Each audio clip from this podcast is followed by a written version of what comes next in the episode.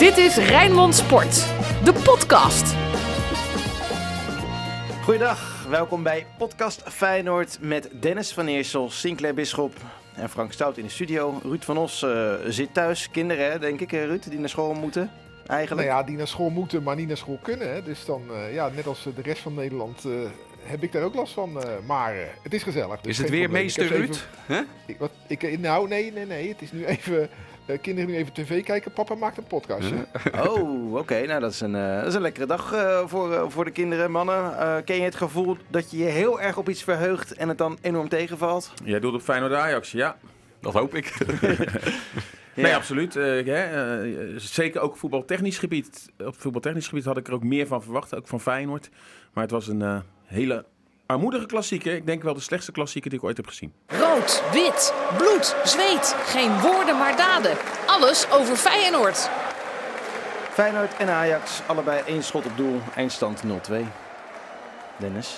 Ja, dat is dan wel weer knap, hè? Dat zij uh, zelfs in hun slechte wedstrijden uh, en dan toch uiteindelijk weer twee weten te maken. En dat je dan deze eindstand hebt. Ja, het viel allemaal enorm tegen. Zeker met de verwachtingen die je vooraf had. En zeker zonder dat publiek erbij. Het was mat, het was tam.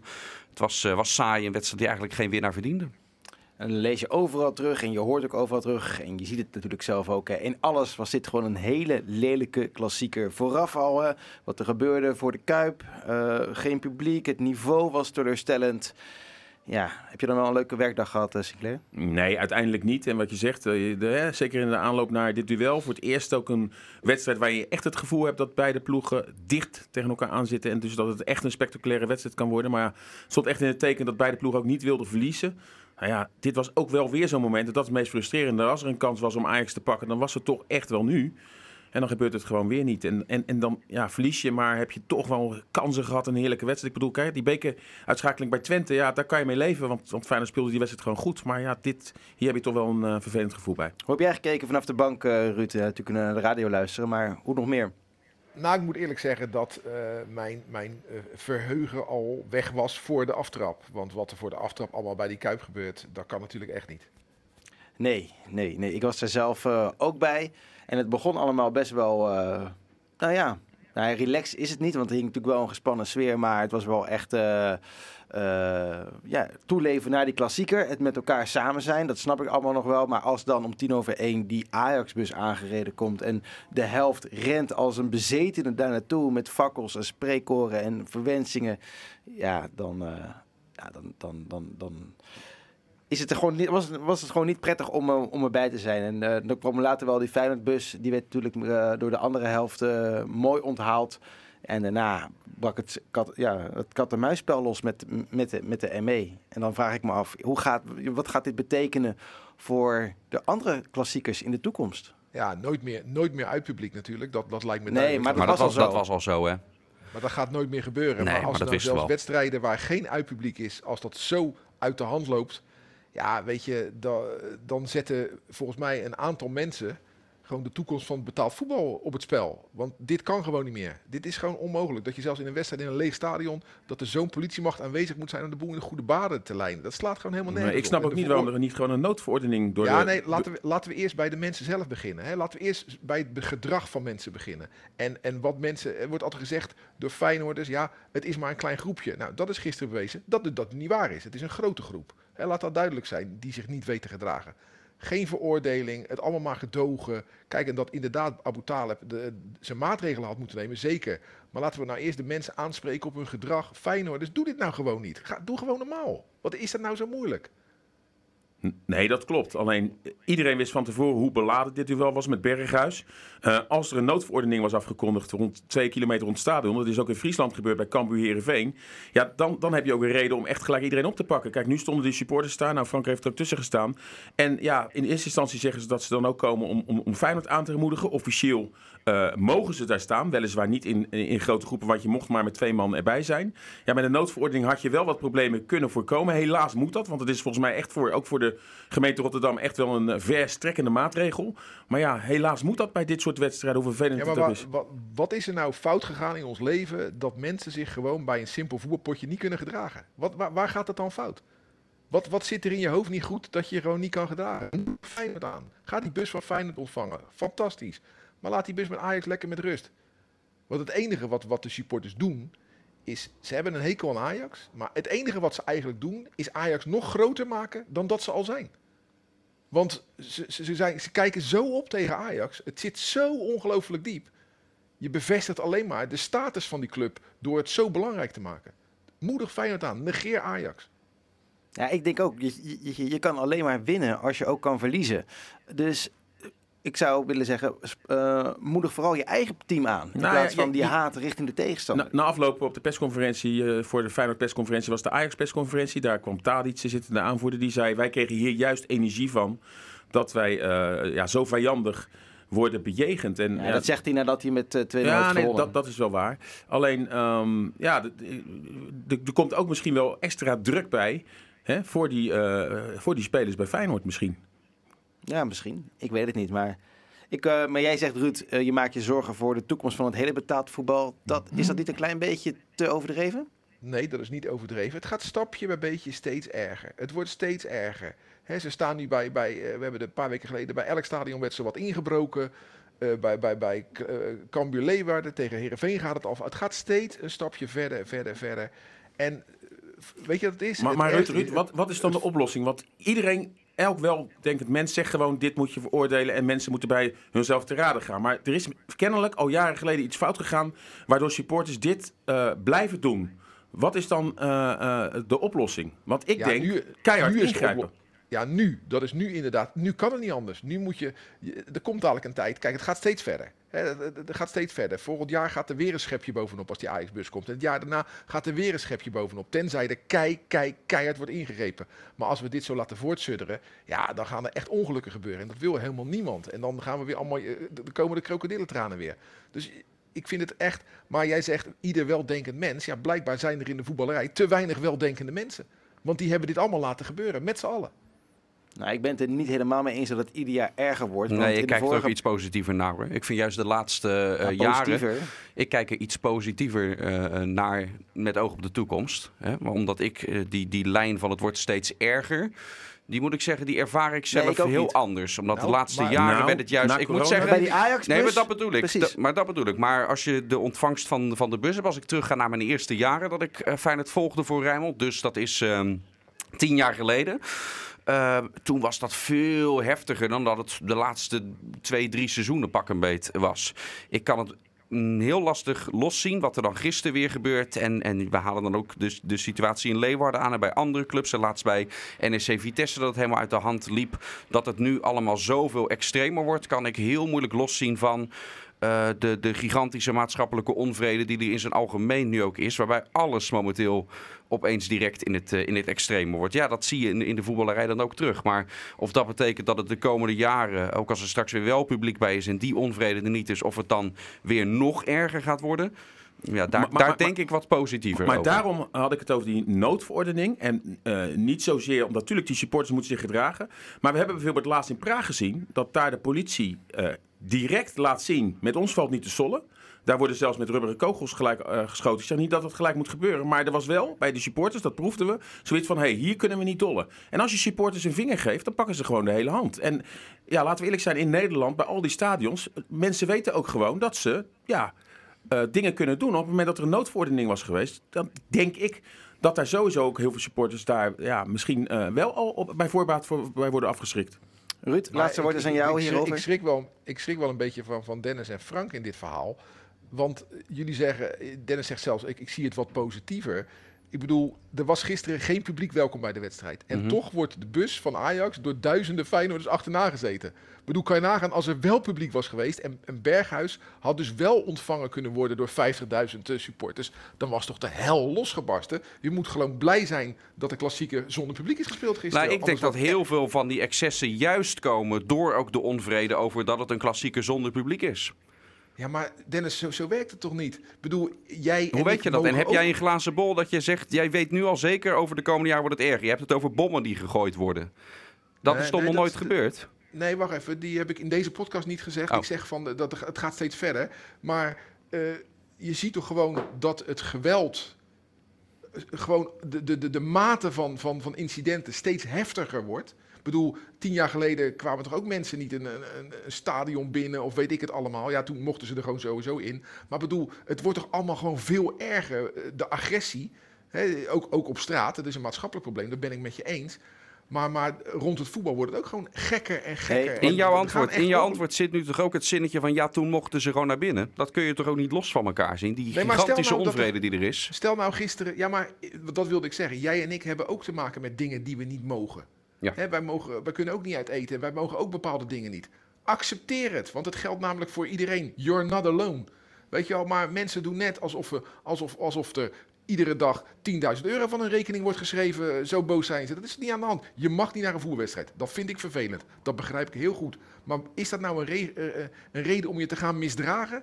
Er zijn toch veel ergere dingen. Kom op. Ja, maar dat zijn ook mensen die eh, hun baan kwijt zijn of in de horeca werken. En dus, dus, dus er zit wel maatschappelijke onvrede. Dat begrijp ik wel van Dennis. Het hoeft niet alleen te zijn dat ze niet naar het stadion mogen. Die, En, en wat ik bedoel, niet om het goed te praten, als ik nou kijk naar de toekomst, dat is een bewuste keuze die ik ook zelf maak. Ga ik er dan vanuit, alles gaat alleen maar nog slechter en nog erger worden?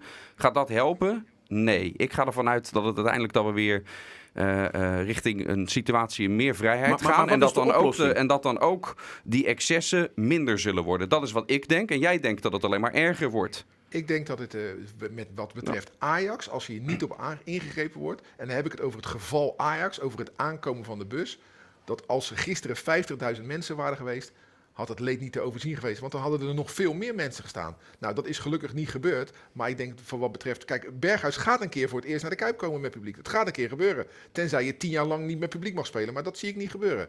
Hoe gaan we er dan mee om? Dus volgend jaar hebben we gewoon het probleem weer opnieuw, hoor. Of je moet ervoor kiezen om de klassieker altijd zonder publiek eh, te laten spelen. ja, maar dan staan diezelfde supporters toch buiten. Dan, is het toch, dan wordt het juist Ja. heel chaotisch Ja, en rommelig. Want dat werd het nu. Want iedereen verwacht dat die bus normaal eh, eh, binnen zou komen. Nou, daar stonden supporters, volgens mij, denk ik. Ik weet het niet, jij stond ertussen. Ze hadden heel veel vuurwerk bij zich, maar die wilden middelvingers op, opsteken en gaan, gaan roepen. Die bus ging op een gegeven moment naar de andere kant. Toen zag je alles die kant op rennen. Eh, wat de intenties waren, weet ik niet. Of ze alleen maar met middelvingers wilden, of dat ze echt daadwerkelijk stenen wilden gaan gooien naar die bus. Daar heb jij tussen gestaan, dat weet ik, ik heb niet. geen stenen gezien hoor, maar Nee, dus volgens wel. mij eh, wilden ze ervoor zorgen dat er een intimiderende sfeer richting Berghuis. Volgens mij is dat hoe ik het ervaarde. Ja, ja die politie die, die, die stond daarbij. En op een gegeven moment is die bus daar weggegaan. Ja, en toen dreigde het wel te escaleren. En toen, toen, ja, eh, toen, toen werd het heel chaotisch. toen kwam er een waterkanon eh, later Ja, ja. nog. En nou ja, rond half drie, want ik wil wel eigenlijk naar de aftrap van die wedstrijd. Toen, toen was alles rustig. Eh, Vuurwerk in het stadion, maar de eerste anderhalf minuut konden we niet zien. Maar dit was denk ik hoe het in de toekomst ook bij Europese avonden wel kan. Hè. Georganiseerd. Op alle trappen hadden ze hè, van die eh, dozen neergezet. En toen kwam er, ja, eh, je moet ervan houden, kaarden knallen. Maar wel heel mooi, mooi vuurwerk ook. Nou ik, ik denk dat dat wel goed is en dat dat, dat, dat inderdaad de toekomst gaat worden. Gewoon met elkaar af, afspreken hoe gaan, we, hoe gaan we een vuurwerkactie initiëren.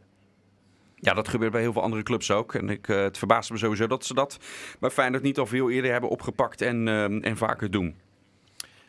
En dan wordt, je, wordt er afgetrapt en dan is het gelijk eh, vanaf minuut 1 een fout, een fout te verstaan. Ja, Malasia trapt af, die schiet een bal. eh, eh, ja, een, een Ajax ziet, volgens mij is Tadic, die moet die bal aannemen. Er gaat ook nog onder zijn voet door.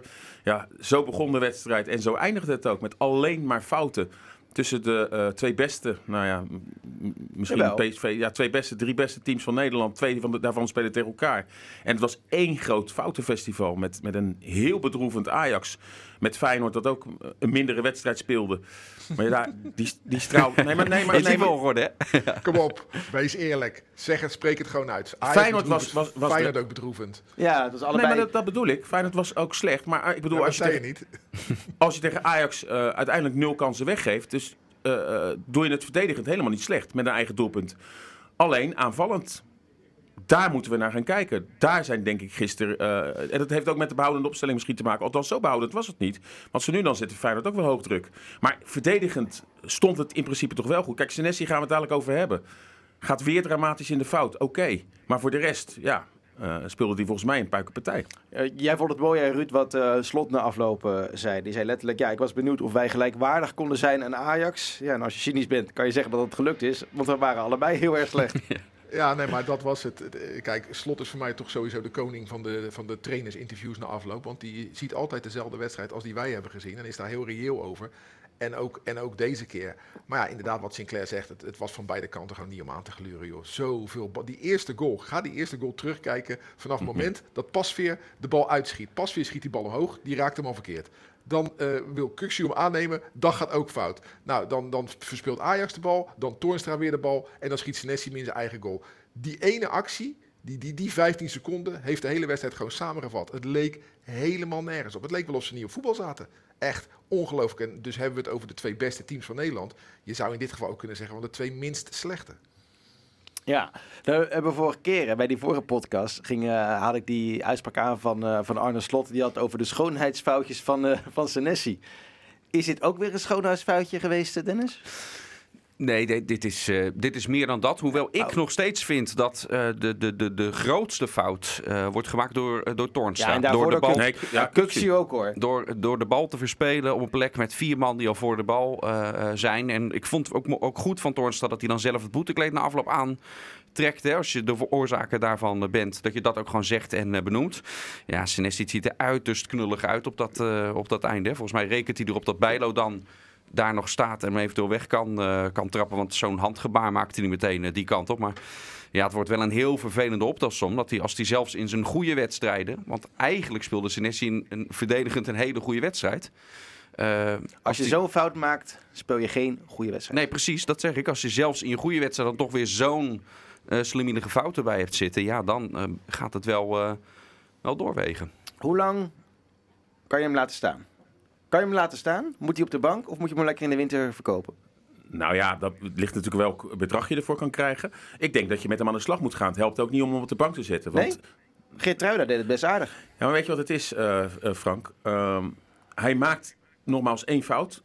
Maar daarna zie ik niet dat daar een, een onzekere speler staat. een- Sterker nog, Het ik is denk- een repeterend verhaal, die fouten. Nou, weet je wat het is? Eh, het lijkt wel of hij, ja, misschien wel zelf denkt dat hij de Eredivisie ontgroeid is. Want het, hij, met, met, met zo'n gemak, dan ga je, geeft hij ook soms hakjes en alles. En heel veel gaat ook wel goed hè, en heel makkelijk bij hem. En dat zorgt ervoor dat het een beetje, ja, een soort nonchalance sluit er een Nou beetje ja, in zijn spel. dus wordt die vraag nog relevanter. Moet je hem laten staan of niet? Nou, je moet met hem aan de slag zorgen dat die schoonheidsfoutjes eruit gaan. Want dan heb je, en dat zag je ook gisteren, echt wel een paar intercepties. Er werden ook andere fouten gemaakt wat een grote kans had kunnen opleveren. Die die dan wel weer onschadelijk maakt. En natuurlijk moet je dat enig, die ene fout uitvergroten. Maar speelt hij nou verder echt een slechte wedstrijd, dan vind ik dat het thema opgeworpen kan worden. Maar ja, het zijn die schoonheidsfoutjes tegen Groningen die bal eruit halen. Dit moment, als je dit soort momenten eruit haalt, dan heb je gewoon een goede verdediger staan. Ja. Ja, dat is waar. Dat is waar. Maar goed, als je bij iedereen zijn fouten eruit gaat halen, kan je van iedereen een goede voetballer maken. Nee, want er zijn ook spelers die gewoon mindere kwaliteit hebben. Je, ziet- jij, je ziet ook zijn kwaliteiten. Althans, die zie ik wel. Eh, alleen, ja, hij zit op dit moment in zodanige fase ja, dat je wel ermee aan de slag moet. Van, hey, Sinds hey, dat die film is gekomen van El Gladiator, eh, is het alleen maar slechter gegaan. 90% concentratie. Maar laten we, eh, eh, de laatste weken heeft ook Bijlo twee keer een concentratiefout gemaakt. In verder een goede wedstrijd, een goede wedstrijd die keepte tegen eh, Maccabi Haifa en ook tegen Twente. En dat zijn uiteindelijk dure foutjes geweest. Maar ik moet ook eerlijk zeggen, in deze competitie hebben we wel vaker gezien dat er fouten werden gemaakt. Ook door Trauner. En die werden dan niet afgestraft. Maar eigenlijk zit dit al vaker in het spel van Feyenoord. Hè? Dat er echt fouten worden gemaakt die ja, eigenlijk een beetje uit nonchalance en, en een beetje ongelooflijk. Maar ja, die worden dan niet afgestraft, nu wel. En dan vergroten we het misschien wel terecht uit. Want Feyenoord gisteren uiteindelijk die wedstrijd nog gewonnen. Hebben we het er denk ik ook niet over. Maar dat je ermee aan de slag moet, oké. maar gelijk slachtoffer, nee. De Feyenoorder van de week. Ruud, Poeh, lastig hoor. Dennis, Als ik op basis van de wedstrijd kijk, dan eh, eh, ja, misschien wel eh Kuksu. Ja? Vond ik niet, ja, ja, maar het, het, het was allemaal heel matig. Dus nou, nou, nou verplicht je me, eh, omdat het een rubriek is, om erover na te denken. nou ja, ik denk dat er wel een Feyenoord was die een hele dikke voldoende speelde. Malasia, Ja, dat wilde ik eigenlijk ook zeggen. Ja. die eh, toch de beste speler Niet? van Ajax. Jawel, toch? Ruud. Die Nou, was toch- ja, Nee? ja, ja. Anthony Kan. bijna niet gezien, hè? Nee. Kan. Jij, Dennis? Die deed goed. Die deed goed. Weet je, je bent 17 wedstrijden onderweg. Als je de balans opmaakt waar, eh, waar Feyenoord staat. eh, en ook weer hoe die gisteren over deze wedstrijd spreekt na aflopen. Realistisch, vinger op de zere plek ook. eh, dan eh, moet dat voor mij nog steeds Arne Slot zijn. En jij zou voor Malasia Ja, gaan. Dat, Ja, wat, dat, zou ik, dat wilde ik ook zeggen. Op basis van hoe Slot zich gisteren rond deze wedstrijd heeft opgesteld. Hij heeft het voorbeeld gegeven van hoe iedere Feyenoorder zich zou moeten gedragen. En op basis daarvan vind ik, is, is hij de Feyenoorder van de week. Gewoon normaal met je tegenstander omgaan. En ik lees alweer op social media, wordt hij verketterd omdat hij eh, Berghuis een high five geeft, nadat, of nee, niet een high five, een hand, nadat hij gewisseld is. Nou, dan krijgt hij de wind van voren. Denk, ja, dit is gewoon respect tonen naar. En dat is gewoon heel normaal. En eh, laten we met z'n allen gewoon Arne Slot nadoen. Dan komt het goed. Ja, en hij was niet de enige hè, die, eh, die vriendelijk was met, eh, met Berghuis. Begon al in de Nee. spelerstunnel. eh, Zelfs. Kukcu, die hem vorig jaar nog een akkefietje met hem had. Maar Kukcu met een omarming. En wij- ik moet zeggen, de persconferentie, of, of het persmoment van de NOS en ESPN die hem wel mochten spreken, was eh, vlak bij ons. Dus hij liep ook gewoon langs de perskamer. En ja, dan zie je allemaal medewerkers bij Feyenoord die hij natuurlijk jaren heeft gekend, die, waar hij innig mee op de foto ging of in een ge- gesprek. Dus dat zei hij ook na afloop, dat zat helemaal goed. Alleen, eh, ja, tussen de supporters zit het niet goed. En hij had het dan nog een, eh, een eh, de kwade genius was Corpot, hè? Ja, ja. Nou, we weten natuurlijk wel allemaal dat het vorig jaar niet boot. We hebben natuurlijk uitgebreid uitgemeten tussen Dick Advocaat, Ed en Corpot en Berghuis. Alleen ik heb wel zoiets, kom daar niet nu mee op 19 december op het moment dat je met 2-0 in de Kuip hebt gewonnen. Hè. Al die tijd had hij de tijd om, om, om interviews te geven, om ook aan te geven waarom hij weg was gegaan. Hij houdt zich al die tijd op de vlakte. Vind ik het wel nu wel een raar moment om dan nu ineens te... Nou, omdat te deze beginnen. week natuurlijk eh Corpot daar eh, Meer, meerdere malen. wat over heeft gezegd. In de Volkskrant onder andere, toch? Ja. Ja, nee, maar Corpot deed dat toch al eh, één dag nadat eh, het seizoen was afgesloten. Had Corpot toch al de kritiek. Dus dan had je toch ook al in die periode daarover kunnen praten. Hoe zie jij dat, Ruud? Ja, eens. Het was niet het juiste moment. Het was olie op het vuur. Maar eh, verder vind ik eh, eh, de rol van de media... kan je daar ook best wel vraagtekens bij zetten... door dit zo gigantisch op te blazen. Het ging na die uitspraak bijna nergens anders meer over. En overal was Corpot trending topic. Ik denk, nou, vind ik iets te veel eer. Ik, ik heb het idee dat mensen buiten, buiten Rotterdam helemaal niet weten wie Corpot is. Ja, voor sommige tenten in Sint-Petersburg, maar voor de rest eh, me- me- vraag in Groningen wie Corpot is en ze weten het echt niet hoor. Het is gewoon een Nee, assistent-trainer van Feyenoord geweest. En dat is nu heel erg breed ik, eh, uitgemeten. Mag ik nog een gevoelig puntje aansnijden? Eh, eh, heeft Arne Slot ook niet gewoon met de eerste seizoenshelft en ook met zijn gedrag gisteren niet een soort van visitekaartje afgegeven dat mocht Ten Hag ooit weggaan, dat ze aan hem moeten denken? Ja, daar wilde hij vrijdag niks over zeggen op de persconferentie. Nee, dat begrijp ik. ik. Ja. Daar gaat hij ook niks over zeggen natuurlijk. Nee, maar iedereen ziet toch dat eh, Arne Slot het niveau ook makkelijk aan kan om bij Ajax eh trainer te zijn. Het is een hele goede trainer. Hij speelt het type voetbal zoals ze het eh, daar ook nastreven. Dus eh, in, in die opzichten vind ik het allemaal niet, eh, niet onlogisch dat ook vanuit Amsterdam, dat er eh, als Ten Hag weggaat, gekeken gaat worden of ze hem kunnen, kunnen halen. De vraag is of hij dat gaat, eh, of hij Ja. dat gaat doen. Mijn gevoel is dat hij dat niet gaat doen. Arne Slot kennende, ook wel een slimme man. Die weet eh, wat voor sentimenten dat is. Dat hij ooit trainer van Ajax gaat worden, hè, dat, dat, dat, dat, durf ik wel te stellen. Hè, maar ik denk dat hij eerst misschien naar het buitenland gaat. Maar de rechtstreekse overstap zie ik hem niet maken. Maar dat is een gevoel. Want ik hoor heel veel mensen erover en het lijkt steeds meer een themaatje te worden. Maar ehm, ja, ik, mijn gevoel is dat hij dat niet doet. En volgens mij ziet hij ook wel... Het is wel belangrijk natuurlijk wat er is. Dat, dat, er bij Feyenoord echt nog wel stappen te, te nemen zijn. Hè? En, eh, juist die wedstrijd gisteren was een graadmeter. Dat je toch ook wel weer ziet waar het, eh, waar het dan schort. Kijk, eh, de eerste stappen zijn nu gemaakt door Arne Slot. Maar er valt echt nog wel te bouwen aan, eh, aan, aan dit Feyenoord. En volgens mij vindt hij dat, is dat ook wel een mooie uitdaging voor hem. Je hoort hem ook heel vaak meermaals over andere trainers of over andere clubs hoor je hem eh, zeggen dat eh, om zo'n manier van spelen erin te krijgen, dat zegt hij ook over Ten Hag en over Ajax, dat, daar zijn ze al vier jaar mee bezig. Ook daardoor zijn ze al verder. Hè? Dus volgens mij is het wel zijn ambitie om bij Feyenoord er inderdaad een meerjarenplan van te maken. Maar ja, als, het, oh, hè, als je opeens het dubbele of het driedubbele kan, eh ja, kan maar, maar, maar trainers moeten ook slim zijn. Hè? En volgens mij is Arne Slot het instapmoment van een trainer bepaalt vaak ook je carrière. Nou, een instapmoment komende zomer bij Ajax, het kan natuurlijk alleen maar misgaan als daar niet alleen een, een leegloop zou komen, maar als Ten Hag weggaat, dan is die verwachting daar ook zo hoog dat ja, het heel moeilijk wordt om dat te overtreffen. Een instapmoment is zo Dit belangrijk. jaar tweede, volgend jaar eerst. Is wel weer een stap omhoog, toch? Misschien eindigen ze dan wel boven PSV, je weet het niet. Ruud, jij had het net heel erg over ehm, de rol van de media. Vond jij ook niet dat het wel heel erg veel ging over eh, de strafschop die Feyenoord niet heeft gekregen? Ja, ja, ja, ja, ja. Maar dan moet je vooral discussiëren over, eh, over het nut van de regel. Want volgens de regel deed Hichelen niks fout. Nee, alleen hij is zo eh, moeilijk te interpreteren, lijkt het wel. Nou ja, eh, eerlijk, eerlijk is eerlijk, wij zaten in het stadion en wij dachten aan een penalty. Ik moet zeggen, we hebben geen scherm, maar we zagen die bal dus wel zodanig op de hand komen dat je denkt, Bij die wordt Schuurs. Ja. een scoringskans ontnomen. Eh, die regel is veranderd, dus Hichler heeft gelijk. Maar wat wij ook hebben gezien, en ik weet niet of dat op de beelden heel erg duidelijk was, bij elke corner, voor de corner al genomen werd, dan werden Senesi echt, en ook eh eh, Geertruida, vastgepakt. En dan werd die corner genomen en dan werden ze gewoon eh, naar de grond getrokken. En dat is ook gewoon een strafschop. Maar als dan, dan geen camera op staat, ja, dan kan je zeggen dat dat kan een VAR niet zien. Maar op een gegeven moment heeft Feyenoord ook al een paar keer geprotesteerd. Als een corner kwam, liepen ze al naar Hegelen van let nou op. En dan zag je dat gebeuren. Dan denk je, dat is gewoon een penalty. Senesi wordt gewoon aan de grond getrokken. Dan zie je op dat op andere velden wel. En dan vind ik, eh, en we kunnen ook nog discussiëren over Malasia ehm, en Anthony. Daar heb ik dit seizoen ook gewoon rode kaarten voor gezien. Dat kan je ook uitleggen als een slaande beweging. En dan, eh, eh, daar mag je het niet op schuiven. Maar vond ik de arbitrage vond ik niet sterk. En als je eh, heel snel de eerste gele kaart aan een Ajaxiet geeft...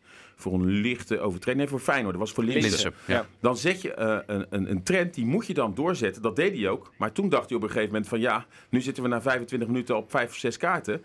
En toen liet hij op een gegeven moment weer heel veel gaan. Wat dus ook een kaart had moeten zijn. Ja, dan ga je marchanderen. En dat helpt een wedstrijd ook niet. Hè? Nogmaals, daar heeft Feyenoord niet door verloren. Maar ja, dat hielp niet bij een, eh, eh, het, het spelen van een heerlijke klassieker. Nee, het, de, de, top is dun hè, in de Nederlandse scheidsrechterswereld.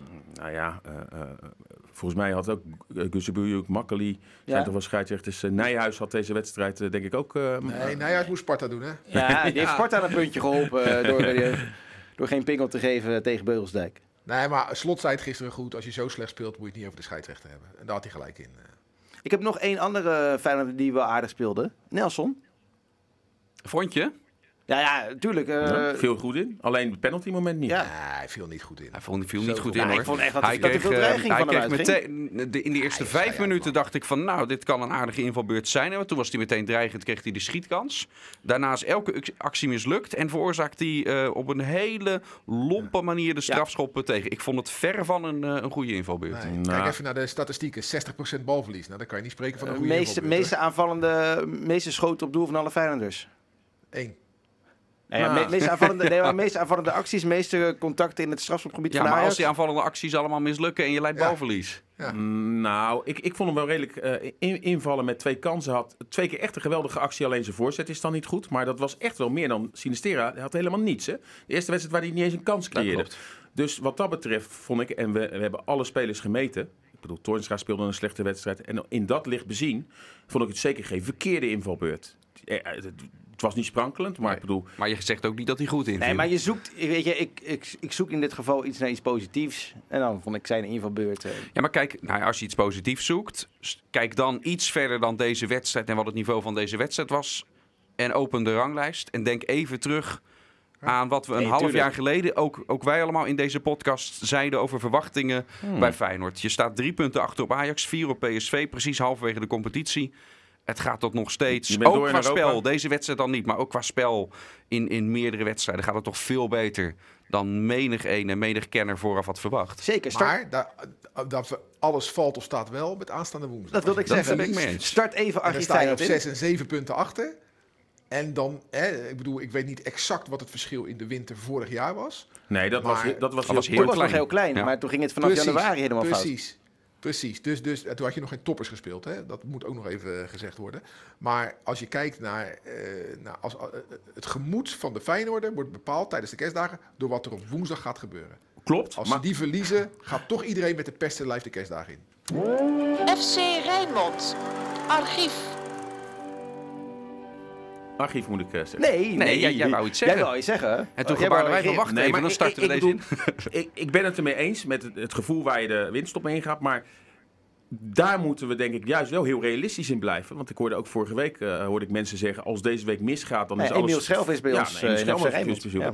Alleen, we, dit was eigenlijk de angst inderdaad die er was. Van, Ga nou een keertje nou niet over een kampioenschap praten. En doordat het zo goed gaat, ja, heeft Feyenoord zich nu in een pakket eh, gemanoeuvreerd dat iedereen ineens, ja, alles is negatief en alles is kritisch. Maar Feyenoord, door in Europa, Feyenoord eh, eh, heeft zich weer op de kaart gezet. Heel veel ploegen zijn bang voor Feyenoord. Zelfs Ajax, ja, die ook gisteren redelijk behoudend speelden, omdat ze gewoon echt bang waren. Je hebt helemaal gelijk. we zien een ontwikkeling bij spelers van Feyenoord. De waarde is weer gestegen. Feyenoord heeft al een eerste schifting gemaakt en moet nu in de winterstop door gaan selecteren.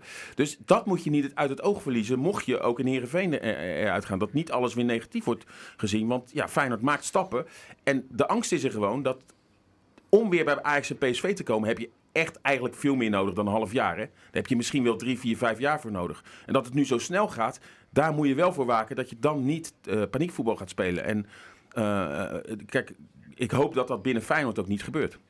Dat Ja, je, ja eh, eh, gekscherend, je leest al op sommige eh, sites soms dat slot dan moet vertrekken. Kijk maar eens goed, je ziet ze soms ertussen. Dat is een heel, heel klein gedeelte. Maar je moet natuurlijk wel voor gaan zorgen dat mocht het... Want dit heb je toch ingecalculeerd, dat Feyenoord ook wel eens tegen tikken aan gaat lopen. Nou, dat gebeurt toevallig in deze week. Jouw stopwoordje, de dagkoers moet niet gaan regeren als er niet wordt gewonnen in Heerenveen natuurlijk. Eh, maar dat gaat wel, ge- ze, ze gaan in elk geval spelen zonder... nee, Nou, nee, nee, nee, en bedankt. ik wou zeggen, ze, gaan- ze gaan in elk geval starten zonder Sinisterra Ja. en zonder Trauner. Dat maakt het niet, last, eh, niet makkelijker. Nou ja, Trauner is gewoon eh, echt een gemiste achterin. Al moet ik zeggen, gisteren Geertruida eh en Senesi deden het. Nou, het eigen doelpunt natuurlijk. Maar als je tegen Ajax dat zoveel goals maakt, amper een kans weggeeft, dan heb je het verdedigend. Heb je het in ieder geval goed genoeg gedaan dat als je datzelfde niveau had tegen Herenveen, dan, eh, dan zal dat normaal gesproken goed moeten komen. Ja, Sinisterra in vorm, die mis je heel erg. De Sinisterra van ehm, eh, Twente uit en, eh, en, en deze eerste helft tegen de klassieker. Vond, ik hem, vond ik hem niet sterk. Maar ja, Sinisterra of Nelson scheelt wel weer een slok op een, op een borrel. Als je verliest daar, of als je gelijk speelt, hoef je in elk geval niet terug naar de tekentafel. Nou, weet je wat het wel, weet je wat het wel is? Ik ben het eh, volledig eens met wat Sinclair zegt. Maar als je de hele optelsom maakt. Hè, je hebt, in een seizoen heb je eh, bepaalde wedstrijden erbij zitten. Die, de- daarbij is de verwachting, ja, daar kun je punten laten liggen. En dat is op zich is dat niet zo raar. En dan moet je niet heel opportunistisch gaan lopen hakken. Maar als je al die wedstrijden niet wint, dus en Utrecht Ja. uit niet, en Vitesse uit niet, en Groningen uit niet, en Twente uit niet. Ja, je zal er ook een keertje zo'n Maar dan ben je wedstrijd... misschien niet zo goed als jij dan wel zou denken. En dan is Feyenoord misschien een, plaats, eh, Ja. een ploeg die moet spelen om plek 3, 4, 5. En dat zou... Ja, maar als je ze allemaal niet wint, dan... ze dan hebben PSV dan- uitgewonnen. Ze Ik hebben... vind Feyenoord beter dan rondom plek 5. Maar en dan mag je, ook niet, en dan, als je deze verliest, ga je toch ook niet gelijk op plek 5 nee, zeker niet. Maar als je al, eh, al die wedstrijden eh, de resultaten niet haalt. Dus je moet wel elke keer eentje, zeker als de verhoudingen op het veld zijn zoals ze in al die wedstrijden buiten Utrecht uit waren. Dan moet je zelf ook een keer, eh, eh, moet je gewoon drie punten in een lastige uitwedstrijd ook een keer eh, pakken. En dat hebben ze met PSV natuurlijk gedaan. En, En AZ thuis, dus er zijn dat soort punten gepakt. En daarom sta je nu hoog. Maar op een gegeven moment, en zeker nu met, met enige druk die er nu op zit. Ja, is het wel moment nog één keer voor de winterstop om gewoon daar, eh komt tegen het huidige Heerenveen.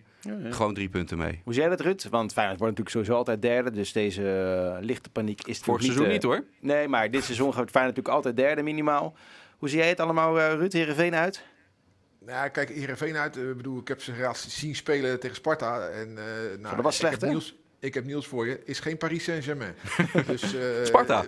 Ik, ik, eh, ik, vind het wel, ik blijf het trouwens wel bijzonder vinden hoe goed Feyenoord altijd tegen PSV voor de dag komt. Ik weet niet wat, er, wat dat is. Hè, je zou bijna wensen, laat PSV lekker zitten en ga zo goed spelen tegen Ajax. Maar eh, wat daar altijd gebeurt tussen Feyenoord en PSV, ik, ik vat het niet. Maar het komt bijna altijd goed voor Feyenoord. Ja, ik, ik, als ik naar het huidige Heerenveen kijk en naar het huidige Feyenoord, dan zou je zeggen dat moet te doen zijn voor Feyenoord. Alleen de laatste dagen, hè, eh, de laatste weken, is het gewoon eh, ja, eh, dusdanig niet goed dat van een eh, zekere overwinning eh, woensdag absoluut geen sprake kan zijn. Ik ben erg benieuwd, zeker nu Trauner en Sinisterre er niet bij zijn. Wat is jullie herinnering als je, als je denkt aan Heerenveen en Feyenoord? Ja, er zijn tal van mooie wedstrijden. We kunnen het over Gustafsson hebben, die ooit eh, in een wedstrijd Oh ja. dik, dik gewonnen werd. Ehm, in, het, eh, in 99 of zo, toen won Feyenoord voor het eerst sinds jaren. Want het was altijd echt een lastige uitwedstrijd door een goal van Tininho, die een bal helemaal niet goed raakte. Maar die bal ging erin. Dan ga ik wel voor die, voor die editie. Al, al, al zijn er ook echt, echt geweldige edities. Met, ik kan ook Kevin Hofland, die een, eh, eh, een ziek kind had. Daar was, eh, Ja. en die scoorde daar en die werd heel emotioneel. En, en, en ja, die zag heel die bank. eh, en Verbronkers was nog spelen. En Makai en iedereen vloog hem in de armen. Vond ik ook een heel mooi moment. Maar Volgens mij deed Ruud verslag, die dat zou wedstrijd. zomaar kunnen. Uh, toen 2009 won Feyenoord of zo. 0-2. Ja, ja, ja, ja, ja. ja. Ik, heb een paar, ik heb een paar keer Heerenveen Feyenoord mogen doen. Onder andere ook op 16 januari, eh, wat is het, 2009. Dat was de eerste wedstrijd zonder Gert-Jan Verbeek. Oh ja. ja, dat was volgens mij ook die wedstrijd. Ja. En toen verloor Feyenoord wel, hè? Oh, Oh, dan was het niet die wedstrijd. En eh, wat ik me toen nog herinner, 16 januari, eh, dat eh, het was op een vrijdagavond. En eh, ik weet het niet exact meer, maar dat, de, dat de, de supporters zo ontevreden waren dat ze zich verzamelden rondom de spelersbus. En dat de spelersbus niet weg kon. En dat eh, ik in de gang getuige was van een overleg tussen de politie en Feyenoord. Van joh, één van jullie moet met ze gaan praten. En dat niemand dat wilde. En dat toen uiteindelijk Goedot Gerard Meijer naar buiten werd gestuurd. omdat die met de supporters moest gaan praten. Nou, inmiddels eh, eh, eh, werd het later en later en later. En stond ik daar te wachten, want mijn auto stond naast de spelersbus. Dus ik kon ook niet weg. En ik stond me daar maar te vervelen in die catacombe. Want we moesten maar wachten. Nou, Gerard Meijer naar buiten. Supporters eindelijk weg. En toen werd ik gebeld vanuit, hu- vanuit huis. Van joh, gefeliciteerd met je verjaardag. Want op 17 januari ben ik jarig. Stond ik daar eh, in, de, in, een, in de catacombe van een leeg Heerenveenstadion... stond ik daar even mijn verjaardag te vieren. Vond ik erg treurig. En eh, denk ik ook niet met heel veel plezier aan terug. Maar vond wel een opmerkelijk moment. Heeft de lieve persvrouw daar ook niet even op je gewacht, eh, Ruud? Nou, die is zeker lief. Ja. Die Ja, is die zeker lief. Super goed voor je gezorgd. Canadese dame. Ja, die heeft wel moeite denk ik met anderhalve meter afstand eh, houden. Ja, inderdaad. Ja. Dan, jouw mooiste Heerenveen herinnering? Laatste speelronde, seizoen eh, 2011-2012. Een hele gekke wedstrijd. Waarbij Herenveen bij een eh, nederlaag of een overwinning volgens mij nog play-offs zou halen. Waarbij een gelijk spel zouden ze dat dan weer niet doen. Ik weet niet meer precies hoe die rekensom toen zat. Maar het was een hele gekke middag. Feyenoord legde toen definitief beslag op plek 2. Het werd uiteindelijk 2-3.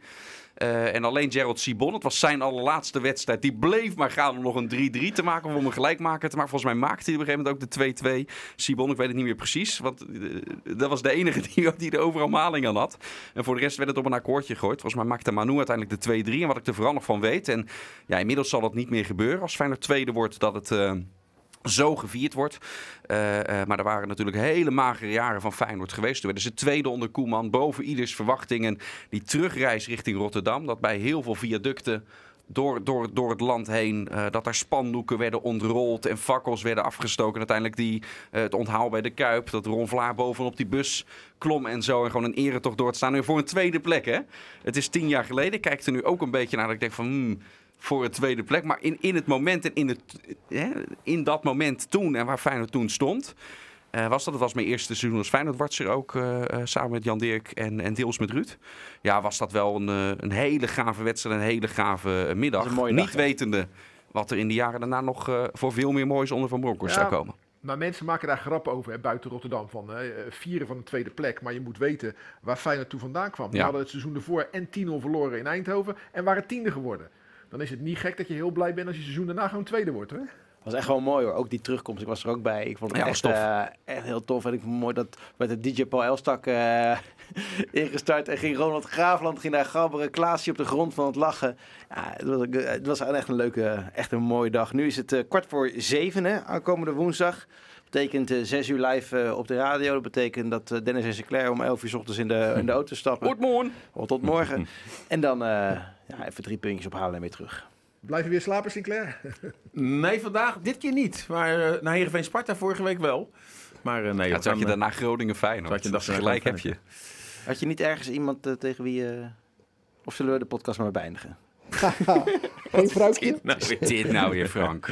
Hey, bedankt voor Het luisteren. heel veel over Frank, het zegt heel veel over Frank Stout zelf. Hè, dat je hier ik- alleen maar aan denkt. Als ik Ja. vrijgezel was geweest, had ik even het tindertje aangegooid en een... eh, Zal ik het slotje instarten Ja. om jou te beschermen? Hey, bedankt eh, allemaal voor het luisteren. En eh, FC Rijnmond met Robert Maaskant. En eh, woensdag zijn we er natuurlijk ook met die radio-uitzending. Bedankt en tot een volgende keer. Hoi hoi. Dit was Rijnmond Sport, de podcast. Meer sportnieuws op Rijnmond.nl en de Rijnmond app.